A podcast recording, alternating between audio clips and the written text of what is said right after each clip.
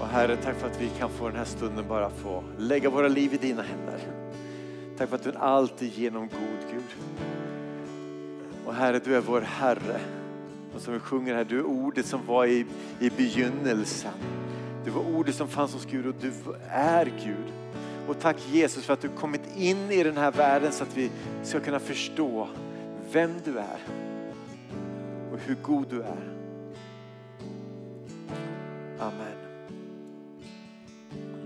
Varsågoda och sitt. Vi har, eh, för er som inte känner igen mig så heter jag Niklas Ljung och är pastor och föreståndare här i församlingen. Vi har ju en riktigt intensiv helg. Det har varit möten både torsdag kväll och fredag och med grejer på dagen och sen så igår på dagen och på kvällen och på idag på eftermiddagen klockan fyra är det ytterligare sista mötet i den här Det finns hopp som är i Europaporten. Jätteroligt. Men när vi skulle fundera på att ska vi, eh, ska vi ställa in vår gudstjänst eller ska vi eh, och säga att alla får gå dit i eftermiddag så tänkte nej, men det kommer nog några ändå. Och det har ni gjort. Så härligt och vad roligt.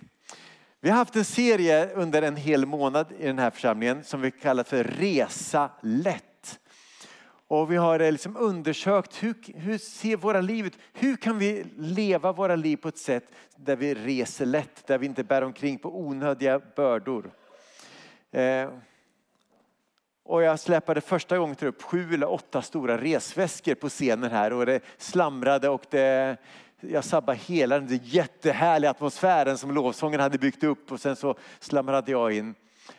Och jag insåg att det finns en begränsning för hur mycket en människa klarar av att ta med sig på en resa. Och ännu mer sant är det att ska man ut och vandra i fjällen eller vandra liksom i skogen, då är det verkligen begränsat vad man klarar av att bära med sig. Och så här är det också med våra liv. Jag tror att det finns en gräns för hur mycket vi orkar att bära med oss när vi ska vandra genom livet. Det finns så mycket som vi kan bära med oss och som vi var inne på första veckan där av synd, av sår, av smärta som gör att livet bara blir tungt. Och vi talar om det, hur, vad kan vi göra åt det? Och jag vet att när jag pratar med andra pastorer och sånt där så kan vi ibland slås över att ja, men tänk så mycket bördor en del människor orkar bära på och ändå vakna varje morgon. Fastän det är så mycket som ligger på deras axlar. Och man kan nästan bli, bara, ibland tänka så här, hur orkar du? Och så slås man också av vilken förvandlande kraft det finns i evangeliet. När en människa ber ber eller ber om bekänner synd för Jesus och sen så får lämna sina bördor vid Jesu kors. Alltså det kan förvandla en människas liv totalt. Det är så gott att höra Kristina, din berättelse. För jag vet, du har gjort en vandring med Jesus och sett hur Jesus fått lyfta av saker. Man är inte färdig. Man är inte liksom att, det är inte så att Kristina efter ett och ett halvt år säger nu är jag fullkomlig här. Fast man har påbörjat en resa tillsammans med Jesus. Och det är fantastiskt. Och vi tror att den resan med Jesus, på den behöver vi vandra lätt. För det finns så lätt att bära med sig alldeles för mycket. Då Jesus kallar sina lärjungar så var de här klassiska enkla orden, följ mig. Och jag, ja, men jag har ganska livlig fantasi. Eh, så jag ibland tänkt på hur såg det där ut i början? Mm, de är vid båten och sen så kommer Jesus och säger till, till Jakob han säger följ mig. Och sen lämnar de pappa. Och pappa, ursäkta ni är inte klara än med näten. Nej men vi ska följa Jesus nu. Jag vet inte riktigt hur det här gick till men de började följa, med hon, följa honom och det var en kallelse till att vandra ett lätt liv. Där man inte skulle bära med sig tunga bördor. Och Jesus försökte lära dem gång på gång att ja, men vad innebär det att resa lätt? Och så säger han de här orden från Matteus 11. Han säger Kom till mig alla som är trötta och bär på tunga bördor så ska jag ge er vila. Och han fortsätter, gå in under mitt ok och lär av mig. Och jag älskar hur han säger, för jag är mild och ödmjuk i hjärtat. Hos mig finner ni ro för era själar. För mitt ok är behagligt och min börda är lätt. Och det Jesus talade om ok så får man den här bilden av att, av att det är ett ok som man lägger över nacken på två oxar så att de två oxarna ska kunna tillsammans bära en tung, tyngre börda än vad de skulle kunna klara av på egen hand. Och den här eh, bilden som man tänker också, ibland så har jag, har jag fått den här känslan att när man talar om att Jesus ska ta våra bördor, det är mer en hängmatta jag tänker på. Men för Jesus var det ett ok, att få lägga på någonting, men som inte är så tungt så att jag inte klarar av det. Utan tillsammans med Jesus kan jag få gå igenom det här livet och bära en börda som inte blir övermäktig. Och, men när Jesus talade om ok så fick de första lärjungarna också en helt annan association. Därför man talade om fariseerna eller de här rabbinernas, deras lära beskrevs ibland också som ett ok. Så när någon sa så här att ja, men nu ska du lära det här, så är det mitt ok är, så kunde de beskriva hur de, hur de ville att de här lärjungarna då, eller deras elever skulle leva. Det var också en slags ok. Så när Jesus kommer och säger att, att jag har ett annat ok så är det att jag har ett annat sätt att leva på en annan livsstil. Så att tro på Jesus, det är ett annat sätt att leva. Det är inte en uppsättning av idéer som vi brukar kalla för teologi i kyrkan. Eller en lista över saker man får göra och inte får göra, det vi kallar för etik. Visserligen är det både teologi och etik, men framför allt är det ett liv tillsammans med Jesus som man kallar oss till. Och det är ett liv som baseras på Jesu eget liv. En livsstil för hela livet. Man kan säga att, att följa Jesus det handlar om att lära känna Jesus. Att vara med Jesus. Sen att bli lik Jesus. Och sen slutligen att leva som Jesus. Alltså tänk vilken inbjudan det där är. Och så inser man att det här är en livslång vandring tillsammans med Jesus. Och för två veckor sedan så talade jag om eh, vilket tempo vi har på den här vandringen. Och jag talade bland annat om mobiltelefoner och annat. Och jag sa att Gud vandrar långsamt. Och det är nyttigt för oss att höra i vårt otroligt späckade liv som vi lever. Att Gud väljer att vandra långsamt och då kan man bara känna så här, men om han vandrar långsamt då hindrar han inte mig i mitt tempo. Ja, då är frågan vem som går för snabbt. Tänk att leva ett liv där jag känner att jag har en rytm där Gud faktiskt och jag får gå tillsammans. Och många gånger har vi svårt att få ihop livet. Vi vet inte hur vi ska hinna, hur vi ska orka. Och så blir vi så anpassade över allting som sker i den här världen. Vi ska försöka få det alla andra har och leva som alla andra har. Och sen så kommer vi till Jesus och sen så tänker vi så här, okej, okay, då måste jag lägga till Jesus. Så förutom mitt fullmatade liv med allting som jag har och alla aktiviteter så lägger jag till bibelläsning och så lägger jag till att jag måste börja be och så lägger jag till att jag måste gå till kyrkan så lägger jag till att jag ska gå på smågrupp och så känner jag bara, nej men det här funkar inte. Och sen undrar man att Gud varför säger du ingenting? Kanske för att du är tio meter framför honom. Och jag tror att Gud är på oss i den här församlingen. Jag, tror, jag har hört det från flera håll i vårt land. Hur Gud börjar vara på församlingen och säga, vad är det för liv ni lever? Och hur kan ni leva liv som har en bättre takt? Där ni går i takt med Jesus. Inte rusar före eller går egna vägar. En teolog har sagt så här att Gud vandrar långsamt för att han är kärlek. Han är ute efter att få en relation med oss och då går det inte att stressa. Och jag citerade första eller andra gången där också att Corrie ten Boom, en, en evangelist som gömde judar under andra världskriget som sen eh, reste runt mycket och sa en gång så här. Om djävulen inte kan få oss att synda kommer han att arbeta för att få oss upptagna.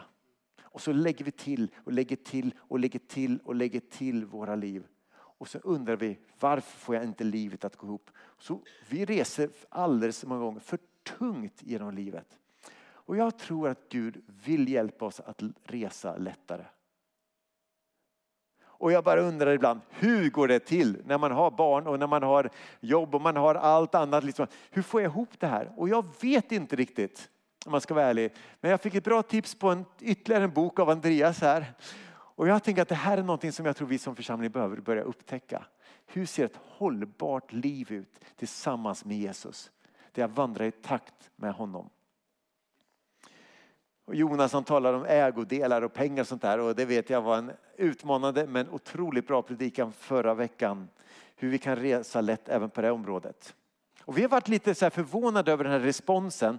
Eh, och jag tror att den här serien har varit någonting av det vi i kyrkan ibland säger att den är profetisk. Att det är någonting som ligger på Guds hjärta som han vill förmedla till oss. Och hur kan vi leva våra liv på ett sådant sätt så att det behagar honom? Paulus, en av Nya testamentets författaren säger att se därför noga upp med hur ni vandrar. Och jag tänker att vi behöver bli noga med hur vi vandrar våra liv och hur vi lever våra liv. Och idag skulle jag vilja läsa någonting utifrån vad Paulus sa. Ett ord som har följt mig under sista halvåret. Som har, jag har återkommit till det flera gånger och det står i Romarbrevet kapitel 2. Så har du din bibel med dig så slå upp den på Romarbrevet. Det är framåt slutet i bibeln. Romarbrevet kapitel 12 och vers 2. Och där står det så här. Rakt in i situationen. Anpassa er inte efter denna världen utan låt er förvandlas genom förnyelsen av era tankar. Varför då? Jo, så att ni kan avgöra vad som är Guds vilja. Det som är gott och fullkomligt och som behagar honom. Och när Jesus talar om det här livet så använder de här orden att djävulen han kommer för att stjäla, slakta och förgöra. Men jag, säger Jesus, jag kommer för att ni ska ha liv och liv i överflöd. I morse när jag skulle, jag skulle cykla hit och sen så kom jag på att just det, jag måste gå ut med hunden först. Så jag går ett varv där med hunden och jag känner att ja, men det är en bra morgon. Jag kände, lite, oh, kände mig ganska glad. Vi har en dotter som precis hade kommit fram. Hon skulle ut och resa. Hon kom fram så jag kände, oh, vad skönt. Det kändes bra. Så jag går där liksom och känner och jag bad lite och sen så möter jag en, eh, en person som möter. Han tittar på mig och ler och ser så glad ut. Och jag tänker, oh, kanske syns att jag har Jesus i hjärtat tänkte jag. Så gick jag vidare så mötte jag en annan som går och tittar upp och ser på mig och börjar leden också. Så jag bara känner att, åh, ja, men, jag tänkte, ja, tanken var så här att syns det att jag är glad? Så det var ju jättehärligt tänkte jag att, åh, det var härligt. Så jag går vidare. Och en tredje person som jag möter tittar upp och ler mot mig och ser jätteglad ut också och nickar till mig så här. Jag känner, Jesus hjärta syns på mig. Och sen så går jag tillbaks och eh, ska cykla och inser att, vänta nu. Jag har gått omkring med hunden med cykelhjälm på huvudet. Så jag har gått där med hunden med cykelhjälm på huvudet. Och jag tänkte inte undra på att de har lett mot mig. Ehm, och jag som trodde att det var Jesus som syntes. Men det är så, jag, jag tänker att det är inte det egentligen som Gud skulle vilja göra i våra liv. Förvandla oss så att det syns, så att det märks. Så att man möter mig så är det inte cykelhjälmen som man reagerar på utan det är Jesus som strålar i våra liv. Och det är det liv som Paulus säger här, att, att vi inte ska anpassa oss efter den här världen, utan vi ska förvandlas genom förnyelsen av våra tankar, så att vi kan avgöra vad som är Guds vilja. Allt det där som är gott, fullkomligt och som behagar honom. Det här livet i överflöd som Jesus talade om.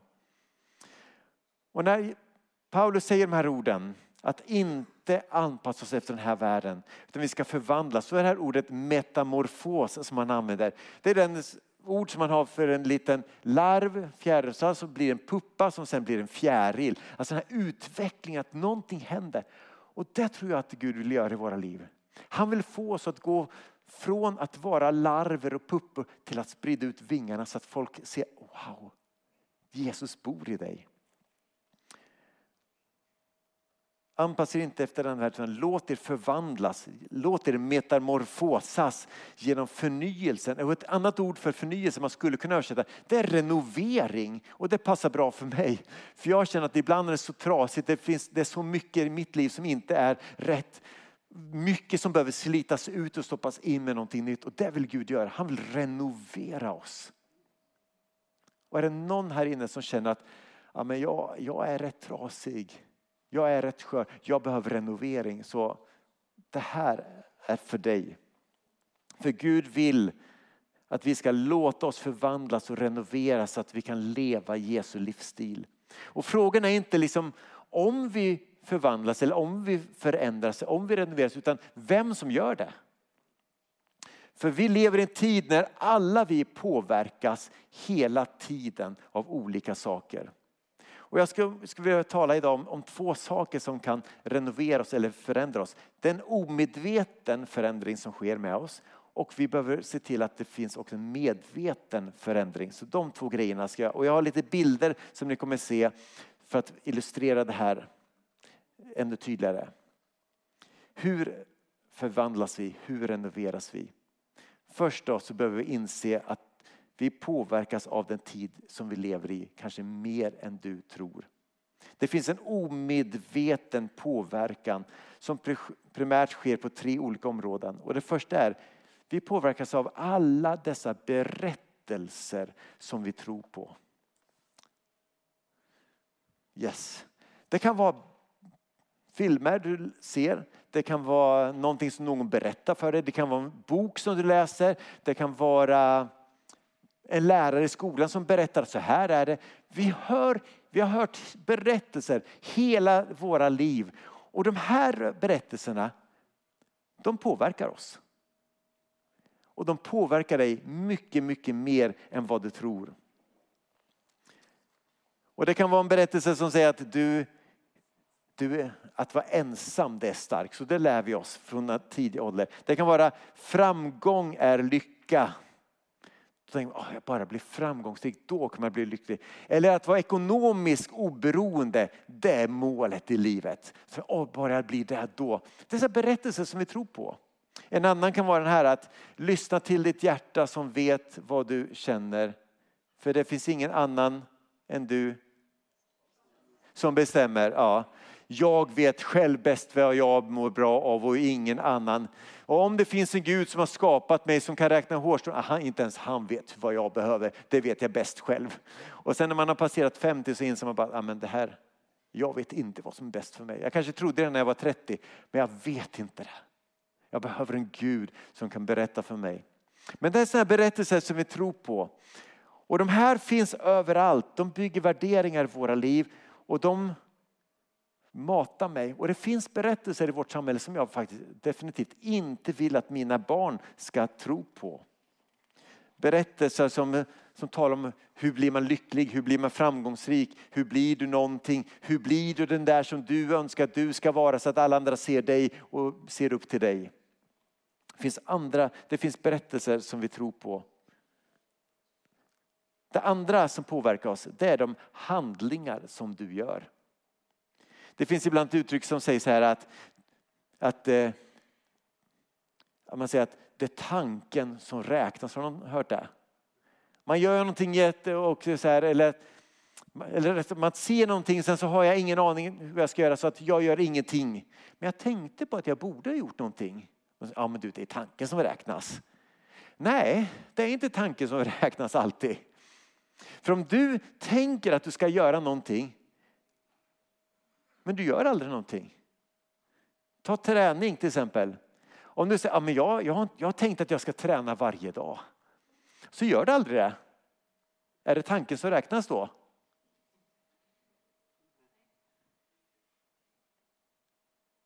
Nej, det gör det inte. Jag kan tänka på hur mycket som helst att jag ska träna, att jag ska jogga, att jag ska springa. Det kommer inte hända någonting med mig om jag inte gör det. Så det är inte alltid tanken som räknas. Och om du ser på någon som är, du säger att om någon säger så här, oh, vet du att jag, jag tycker att det här med generositet är så viktigt. Det är så viktigt att jag hjälper andra, så viktigt att jag är generös med pengar, med tid, att jag finns där för andra. Men har aldrig någonsin bjudit hem någon i sitt hem, har aldrig gett en krona till någon annan. Är den personen generös då? Alltså det är inga svåra frågor. Nej, Därför att det är inte bara tankesverksamhet. Alltså, när jag väljer sen att göra någonting för någon annan. När jag väljer att ge, när jag väljer att bjuda hem, när jag väljer att vara gästvänlig. Det är där generositeten syns i mig.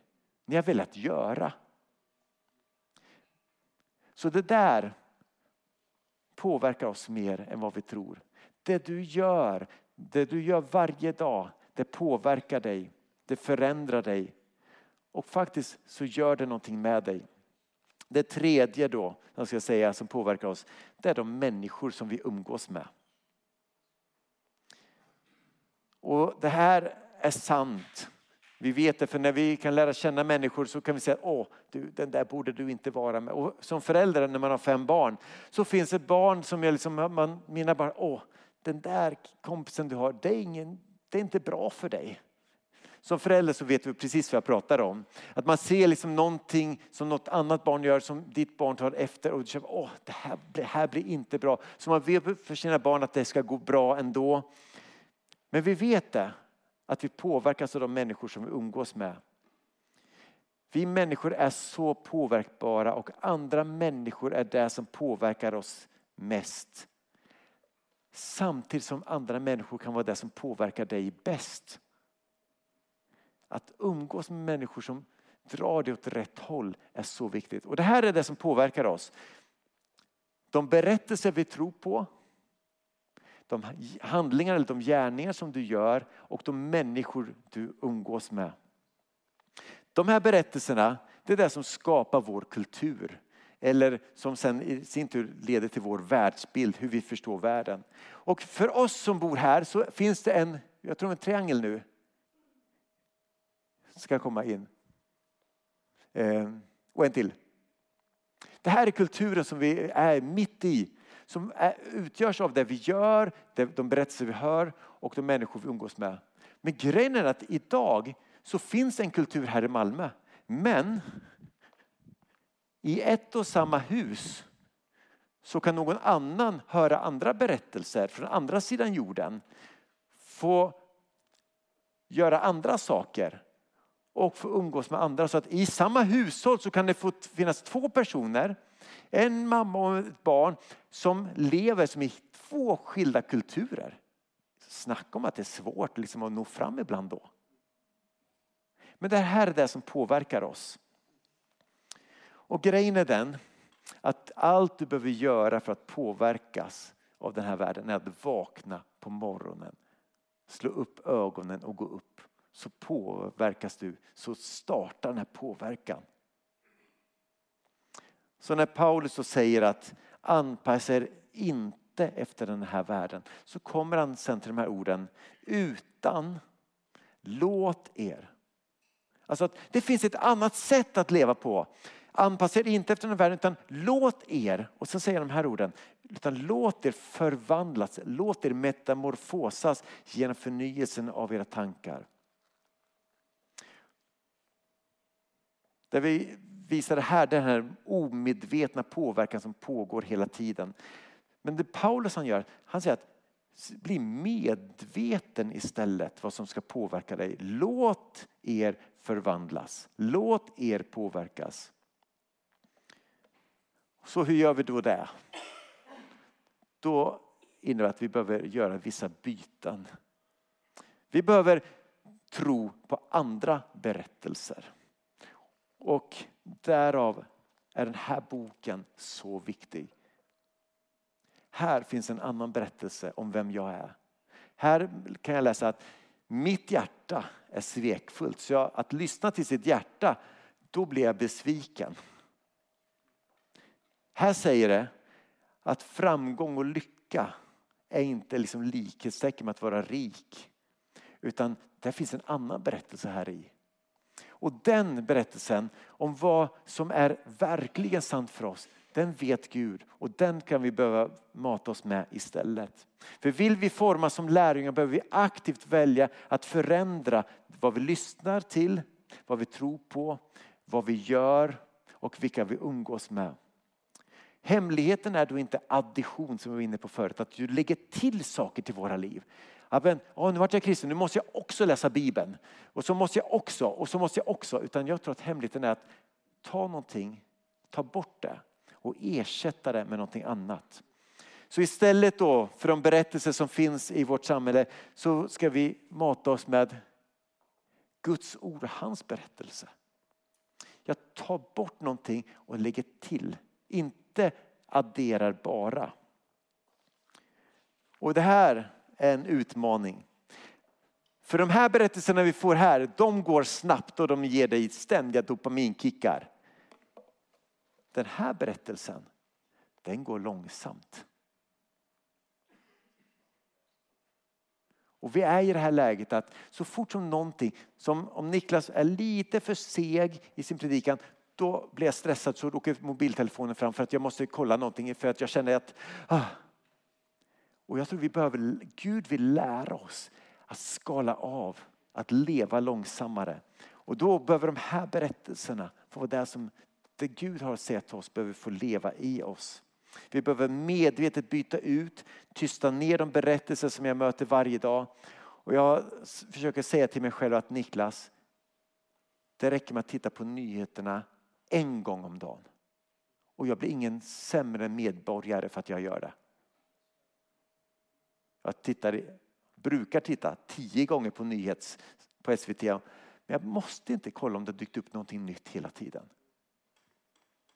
Och istället, tänk om vi skulle behandla den här boken som vi behandlar vår mobiltelefon. Att det första jag gör på morgonen är att jag tar Bibeln och börjar läsa. Det första jag gör när jag så borstar tänderna. När jag sitter och äter frukost. Och så går jag ut till bilen så ska jag åka iväg och sen får nej! Jag har glömt Bibeln hemma så jag vänder för att åka hem igen för att hämta Bibeln. För att jag kan inte ha en dag utan Bibeln. Det tycker vi låter fanatiskt, men det är så vi behandlar den här. Och jag tänker att vill Gud lära oss någonting om att vandra i hans takt? Det andra som vi behöver byta ut, det är de handlingar som vi gör till andliga praktiker. Det här har kyrkan talat om i 2000 år. Om bön, om bibelläsning, om fasta, om goda gärningar, om barmhärtighet och så vidare. och så vidare. Mängder olika saker. Men också om att välja tystnad, att välja att leva långsamt, att vila. Och en person jag pratade med för några veckor sedan, han, han sa så här att jag har gjort ett val. Varenda gång som jag kommer in i ett väntrum, då ser jag till att mobilen är i fickan. Och så kom han dit och sen sitter och han sa att jag märker bara hur folk stör sig på mig. För de sitter och tittar upp och undrar liksom, okej, okay, ja. Och sen så börjar han som att det är lite dåligt samvete krypa in och sen lägger de ner och sen så tittar de och så ler de lite och nickar.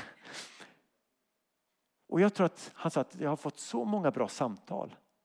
Och jag har fått, börjat få nya vänner tack vare att jag har valt den, det valet en person i vår församling upplevt för ett tag sedan att hade alldeles för många aktiviteter för sina barn. Och en brottig för man vill göra allt man kan för att ge det bästa till sina barn. Men samtidigt prioriterat, amen, finns det ett annat sätt att få ge mer tid till familjen? Och gjorde aktivt val att dra ner på aktiviteter. Och jag tror att nyckeln att leva, att praktisera andliga, andra saker, andliga vanor i våra liv. Det är att faktiskt leva med större marginaler. Att få ett liv i ett annat tempo. Och ibland så tror jag att vi tänker att kristet liv är som att sätta sig i skolbänken och jag ska lära mig och jag ska ta anteckningar. Det är så jag lär mig hur man är kristen. Men det påminner mer om att lära sig karate. Jag vet inte om ni har sett, jag tror en bild på Karate Kid, visst har jag det? Den här filmen såg jag när jag var lite, för er unga, ni har säkert inte sett den här. Den här var jättecool när jag var ung. Eh, den här uh, unga killen ska lära sig karate och det första dagen när han är då hos sin nya läromästare, Mr Miyagi, så, så får han putsa bilen. Vad ska jag göra för någonting? Wax the car, liksom, eller wax on, wax off. Är det någon som har sett den? Ja, men ganska många, härligt. Och sen så står han där en hel och axlarna verkar, han vaxar på och han vaxar av. Och sen så kommer han tillbaka nästa dag, ska fortsätta sin träning.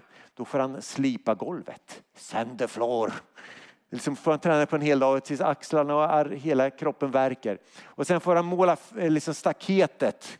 Varje liksom, riktigt ska målas ordentligt. Sen så ska han måla något hus eller och sen så, varför gör jag det här? Det är totalt meningslöst. Jag kommer hit, jag vill lära mig karate, säger han. Men istället har du tvingat mig att vaxa bil och sånt där. Och sen visar det sig att de här rörelserna han har tränat in funkar jättebra. Det är bara en film. Men i den här filmen så funkar det jättebra för att lära sig karate. Liksom att man parerar, liksom man, hur man slår och grejer. Och jag tror att kristen tror mycket mer så här. Vi behöver träna varandra. Hur gör vi det här? Hur lever jag ett liv i ett annat tempo, i ett annat sätt? Där Gud får större utrymme att påverka mig och förvandla mig.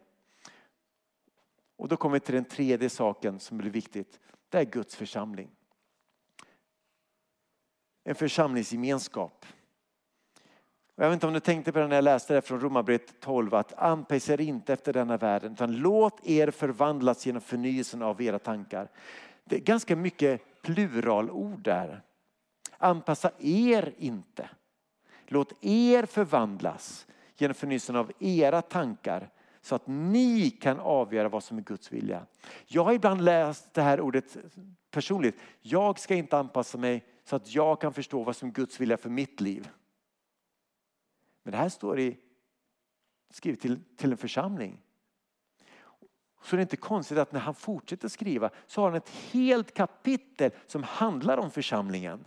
Om hur vi är en kropp som hör ihop. Där en del är inte viktigare än någon annan. Och det är här i, eh, i Romarbrevet 12 och i första Korinthierbrevet 12 som Paulus berättar om den här kroppen, den här församlingskroppen, hur vi hör ihop.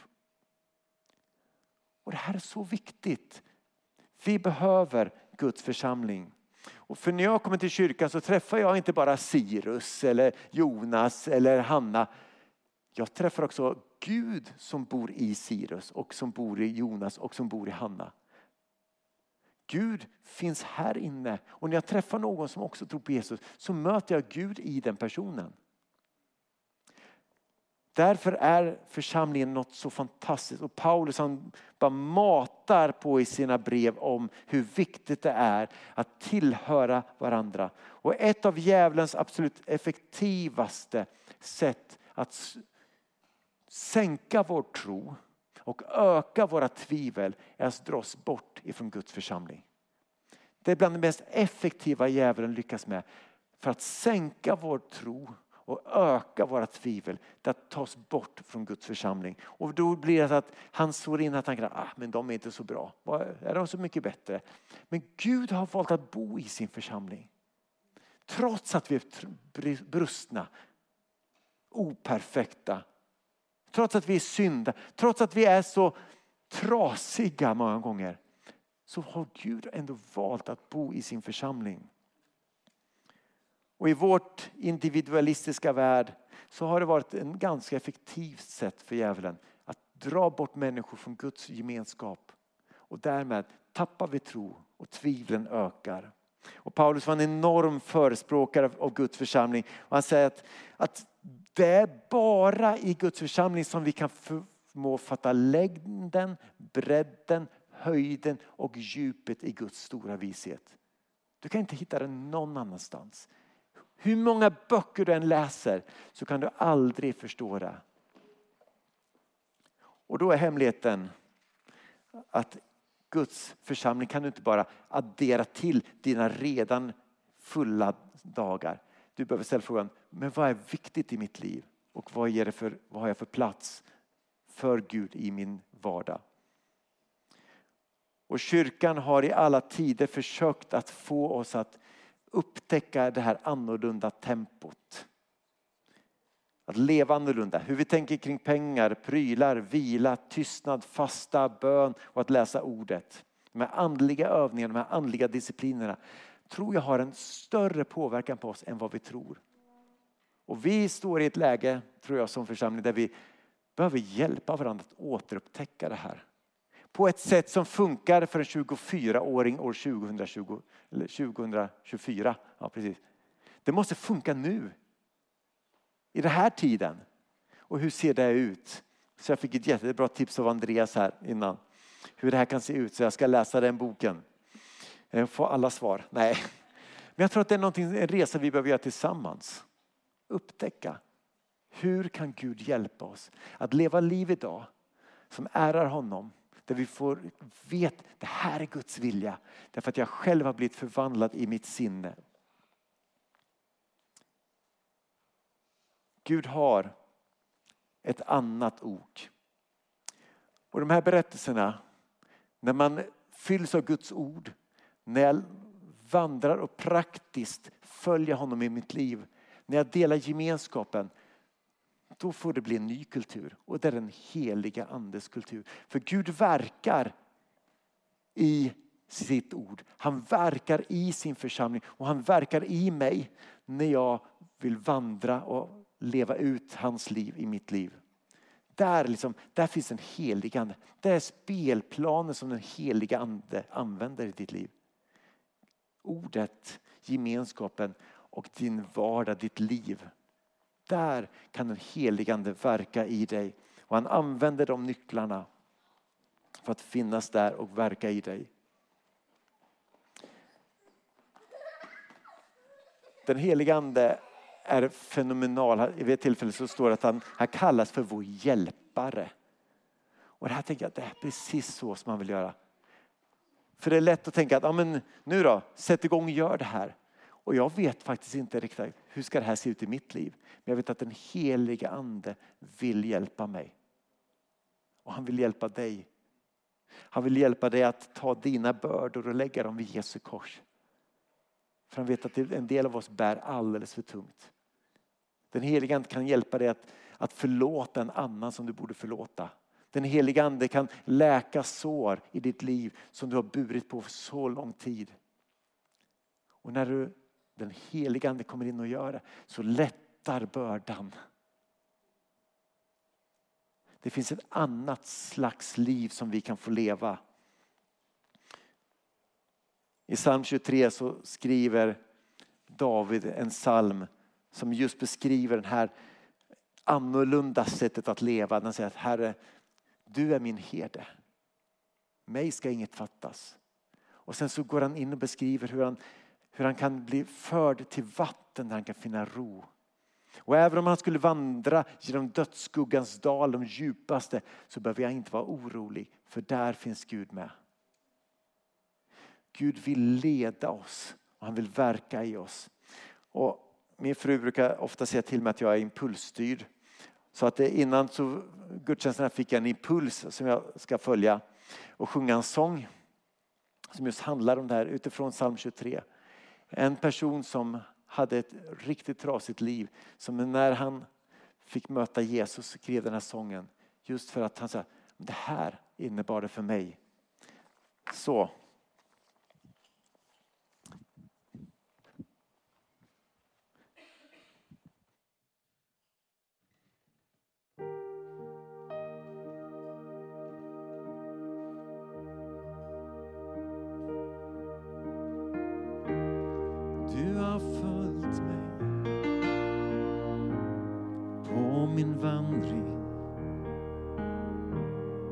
Den har varit lång och svår.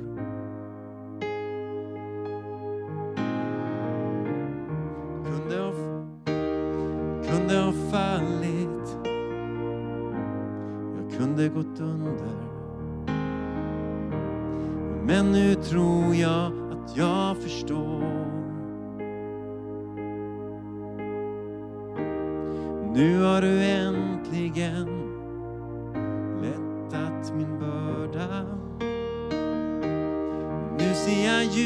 said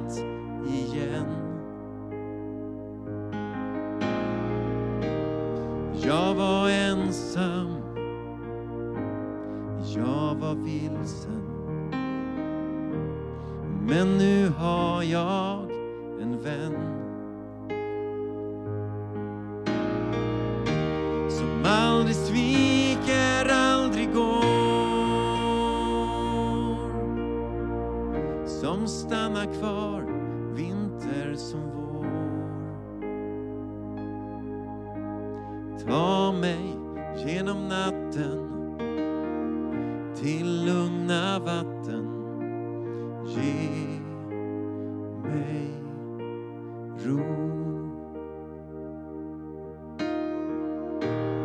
Gör mig ödmjuk och gör mig stark Du har mitt liv i dina händer. För mig över djupen till säkrare Lär mig ta en dag i sänder. Och ta min rädsla,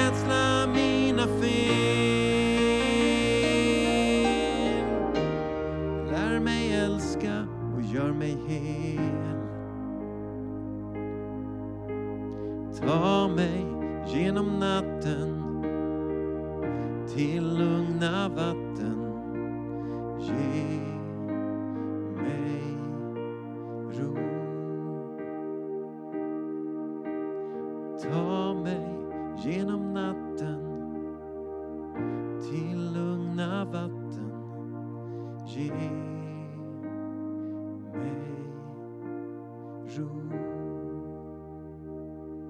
Tack Herre för att du är en Gud som kliver in i våra liv och vi hjälper oss att vandra våra liv på det sätt som du vill att vi ska leva på. Och Herre, du ser att vår längtan, Herre, många av oss här inne, vi har lärt känna dig och vi längtar efter att få, att ditt liv ska få stråla ut genom oss. Att ditt liv ska få bli synligt i oss.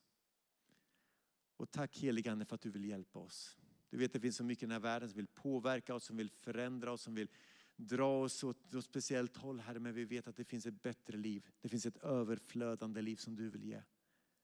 Och Herre, hjälp oss att leva det här livet. Fyll oss helig ande med din närvaro. Hjälp oss att i din församling, att i ditt ord och i när vi försöker att följa dig i vår vardag, att du finns där. Du är vår hjälpare. Du är vår kraft och du är vår styrka. Så kom heligande och fyll våra liv. Vi behöver dig. Hjälp oss att leva liv som ärar dig. Och hjälp oss att leva liv där andra kan få syn på dig. Amen.